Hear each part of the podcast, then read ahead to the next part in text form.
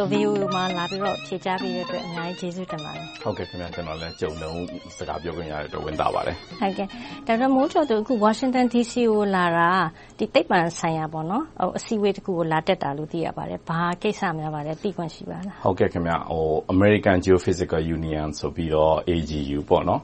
ဟိုဒီ Geoscience နဲ့ ပတ်သက်ရင်တော့ ကမ္ဘာပေါ်မှာ အကြီးဆုံး အစည်းအဝေးပါပဲ။ဘာလို့လဲဆိုတော့ တက်ရောက်တဲ့လူက နှစ်သောင်းသုံးထောင်လောက် ရှိတာပေါ့နော်။သူက ထုံးစံကတော့ San Francisco မှာ နှစ်တိုင်းလုပ်နေကြပါ။ဒီနှစ်က နှစ် ပြည့်တဲ့နှစ် အထူးဆိုပြီးတော့ Washington DC မှာလုပ်တော့ တိုက်တိုက်ဆိုင်ဆိုင် ကျနော်လည်း ရောက်လာရတာပါ။ကိုမိုးကျော်သူက အခုဆိုရင် ဂျပန်နိုင်ငံမှာ အဏ္ဏဝါသိပ္ပံနဲ့ နည်းပညာဆိုင်ရာဌာနမှာ လုပ်နေတယ်ဆိုတော့ ဒီအစည်းအဝေးမှာ ဘာတွေများ ဆွေးနွေးဖြစ်ပါလဲ။သိပ္ပံနဲ့ နည်းပညာဆိုင်ရာ ဆွေးနွေးပွဲကို တက်ရောက်လာတဲ့အခါမှာ။ဒီနှစ်အတွက် အထူးအနေနဲ့ ကျနော် လုပ်ဖြစ်တာကတော့ ကျန်ခဲ့တဲ့ နှစ်လောက်ကတည်းက ပြင်ဆင်ပြီးတော့ ကျန်ခဲ့တဲ့နှစ်မှာ အထူးသဖြင့် အိုမန်နိုင်ငံမှာတနှစ်တိတိ သွားနေပြီးတော့မှလုပ်ခဲ့တဲ့ Ophiolite ဆိုတဲ့ ကျောက်ကိုတူးတဲ့ Project တခုပါ။အဲဒီ Project ရဲ့ ကိစ္စတော်တော်များများက ဂျပန်နိုင်ငံမှာလည်း ဆက်စပ်ပြီး လုပ်ဖြစ်တော့ သုတေသနရလဒ်တွေက ကျန်ခဲ့တဲ့ စက်တင်ဘာလမှာ အကုန်လုံး အပြည့်အစုံ ထွက်လာတယ်။အဲဒီဟာတွေကိုအထူး Session ကြီးတခုအနေနဲ့ ဒီမှာလာပြီးတော့လုပ်တော့ စုစုပေါင်း လူ လောက် ဒီ Project ထဲကိုလာပြီးတက်ကြပါတယ်။ အဲဒါအပြင်ကိုပဲအစိုးရ Agency အဖွဲ့အစည်းတခုနဲ့ တခြားလုပ်တဲ့ သုတေသနနဲ့ဆိုင်တဲ့ ကိစ္စတွေလည်း တော်တော်များများ တင်ပါတယ်။ကျနော့်ကိုယ်တိုင် တယောက်ထဲအနေနဲ့ အဓိက တင်ပြတာက ကျနော့်ရဲ့ အဓိက ဦးဆောင်တာအနေနဲ့က Poster ကနှစ်ခုပါ။အဲဒါအပြင် တခြားသူတွေနဲ့ တွဲပြီးလုပ်တာစုစုခု စုစုပေါင်း ခု တင်ဖြစ်ပါတယ်။အဲဒီအထဲမှာ အိုမန်အပြင်ကို လုပ်ဖြစ်တာက မြန်မာနိုင်ငံနဲ့ ပတ်သက်တဲ့ တချို့သုတေသန နည်းနည်းပါးပါးလည်း ရှိပါတယ်။ အခြေခံအားဖြင့်တော့ အခု သုတေသနလုပ်တာက ကမ္ဘာမြေကြီးအတွင်းပိုင်းကို တူးတာလို့ နားလည်ပါတယ်။ဟုတ်ပါသလား။ဟုတ်ပါတယ်ခင်များ။ဆိုတော့ ဒီလိုမျိုး လူတိုင်းက အာကာသကို စိတ်ဝင်စားနေတဲ့အချိန်အခုက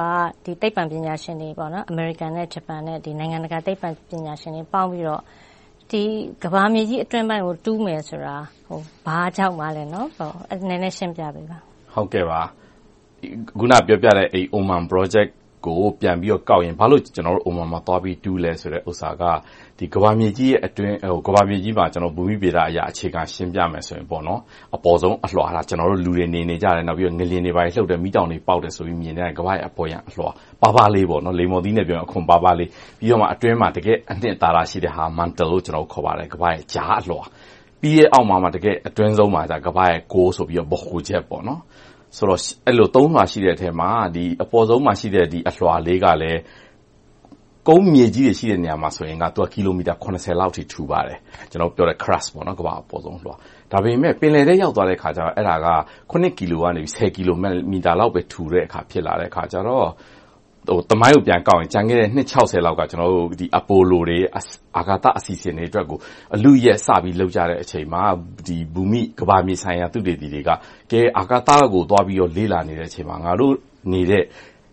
ကမ္ဘာကြီးရဲ့အတွင်းပိုင်းကို ပိုပြီးသိဖို့ မကောင်းဘူးလား။အဲဒီအချိန်က ငလျင်ဆိုတာ ဘယ်လိုကြောင့် ဖြစ်တယ်ဆိုတာကို သေချာမသိသေးတဲ့အချိန်မှာ၁၉၅၇ ခုနှစ်လောက်။အဲဒီအချိန်မှာ စလာခဲ့တဲ့ အစီအစဉ်မှာအားလုံးကလည်း အမေရိကန်နိုင်ငံက အစပြုခဲ့တဲ့ သုတေသန စိတ်ကူး။ဒါပေမဲ့စလိုက်ပြီးတော့နှစ်တောင်မကြာလိုက်ဘူးနောက်ဆုတ်ခဲ့ရတယ်။ဘာလို့နောက်ဆုတ်ခဲ့ရလဲဆိုတော့နည်းပညာပိုင်းဆိုင်ရာမှာအရမ်းကိုခက်ခဲတယ်။ပင်လယ်အောက်အနက်ကြီးကိုရေအနက်ကြီးမှာတူးတဲ့အပိုင်းနဲ့ရေအနက်အောက်မှာရှိတဲ့မြေကြီးအလွှာတွေတူးတဲ့အပိုင်းတွေ။အဲဒီမှာနောက်ဆုတ်လိုက်ရတယ်ဆိုပေမယ့်ကောင်းတာတခုဘာဖြစ်သွားလဲဆိုတော့ Ocean Drilling Program ဆိုပြီးအရမ်းကိုအောင်မြင်တဲ့သမုဒ္ဒရာထဲမှာတူးဖော်တဲ့အစီအစဉ်ကြီးတခုကကျန်ခဲ့တဲ့၁ ၉၆၈ကနေ စလိုက်တဲ့ဟာက အခု ဒီနှစ်ထဲမှာဆိုတော့ ၂၀၁၈ ဆိုတော့ နှစ် ပြည့်သွားတယ်။စကားက နည်းနည်းရှည်သွားပေမယ့် Ocean Drilling Program ကြီး အောင်မြင်သွားတဲ့အချိန်မှာဘာဖြစ်လာလဲဆိုတော့ ကျနော်တို့က နည်းပညာတွေက ပြည့်စုံလာတဲ့အချိန်က ဒီနှစ်ထဲမှာပါ။ဆိုတော့ ကျန်ခဲ့တဲ့နှစ်ကဆိုရင် Hawaii ကမ်းလွန်မှာ ကျနော်ကိုယ်တိုင်လည်း ပါပါတယ်။ကမ္ဘာ့ရဲ့ ကြားလွှာကို ပထမဦးဆုံး တူးလို့ရနိုင်မယ့်နေရာကို Seismic Survey တိုင်းထွာမှုတွေလုပ်ခဲ့ပါတယ်။အဲဒါတွေနဲ့ပတ်သက်တဲ့အခြေအနေလေးတွေတင်ပြဖို့လာတာလည်းပါပါတယ်။ဆိုတော့ သိပ္ပံပညာရှင်တွေက ပြောပါတယ်။အာကာသထဲကဂြိုဟ်တွေနက္ခတ်တွေအကြောင်းတွေသိချင်လို့ရှိရင်အာကာသကိုစူးစမ်းချင်ရင်ကမ္ဘာမြေကြီးထဲကအတွင်းပိုင်းထဲကတကယ်ဖြစ်နေတာတွေကိုစူးစမ်းရင်ဒါတွေကအဖြေပုစ္ဆာအတွက်အဖြေလို့ပြောပါတယ်။ဆိုတော့အဲဒီအတွက်ကိုတူးတယ်လို့နားလည်ပါတယ်။သမုဒ္ဒရာအတွင်းပိုင်းနဲ့တူးတယ်ဆိုတာ။အခု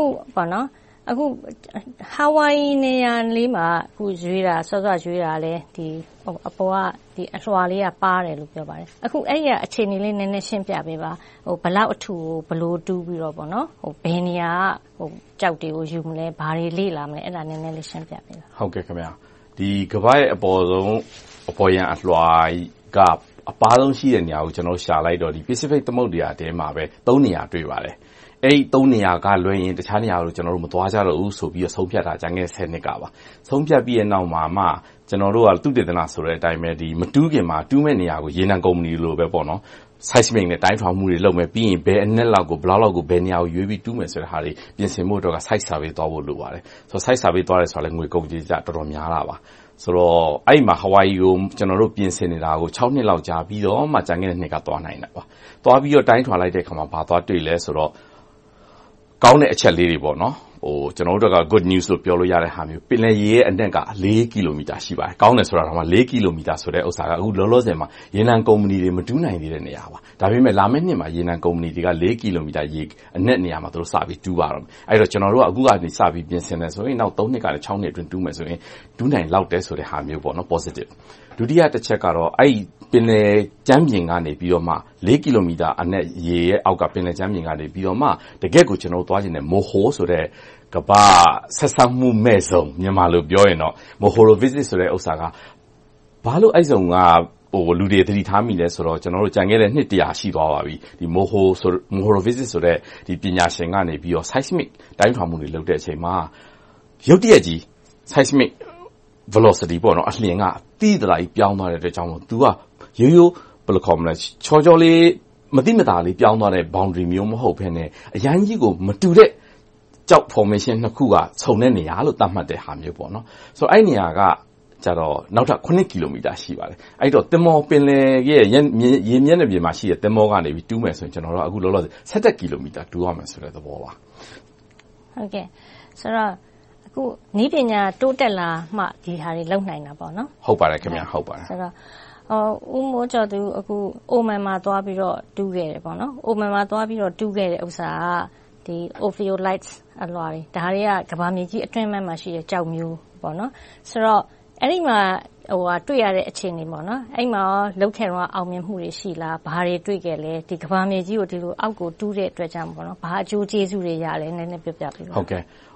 Oman ကရှိတဲ့ Ophiolite က Ophiolite ဆိုတဲ့ အဓိပ္ပါယ်ရှင်းလင်းချက်က ကျနော်လည်း အရင်ကတော့ အဲဒီကျောက်ကို အထူးပြုလေ့လာတဲ့လူမဟုတ်ပေမယ့် သိလာရတဲ့ဥစ္စာက သူက ကမ္ဘာ့အပေါ်ယံအလွှာက ပင်လယ်ရေအောက်ထဲမှာ တက်လာပြီးတော့ အေးခဲသွားတဲ့ မီးသင့်ကျောက်တွေ ဖြစ်လာတဲ့အချိန်မှာ သူတို့က တဆက်တည်း အပေါ်ယံအလွှာနဲ့ အလယ်က ကြားလွှာ Moho – Crust နဲ့ Moho တဆက်တည်း ရှိနေတဲ့ဟာကို ကမ္ဘာ့ရဲ့ ဖြစ်စဉ်အရ ရုတ်တရက်ကြီး အပေါ်ကို တက်သွားအောင် မြှင့်လိုက်တဲ့ဟာမျိုး ဖြစ်လာတဲ့နေရာ။အဲဒီနေရာမှာ တွေ့ရတဲ့ကျောက်ကို ကျနော်တို့ ခေါ်တာဆိုတော့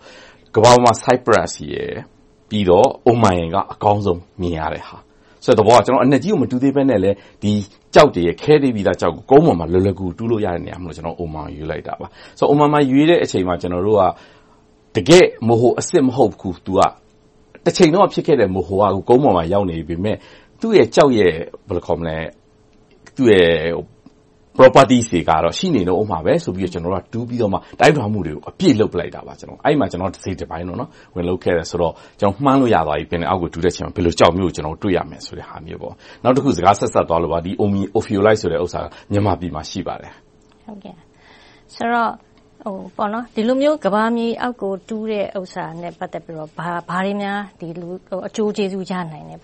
သိပ္ပံပညာရှင်တွေ ဒါကို တူးဖော်တယ်၊ရှာဖွေတယ်၊စူးစမ်းတယ်။စောစောက ဂုဏ်သတ္တိတွေ လေ့လာတယ်။ Properties လို့ခေါ်တဲ့ ဂုဏ်သတ္တိတွေ လေ့လာတယ်။ဒီလိုလုပ်ပြီးတော့ လေ့လာတာက ဘာအကျိုးရှိနိုင်လို့ပါလဲ။ပြောရရင်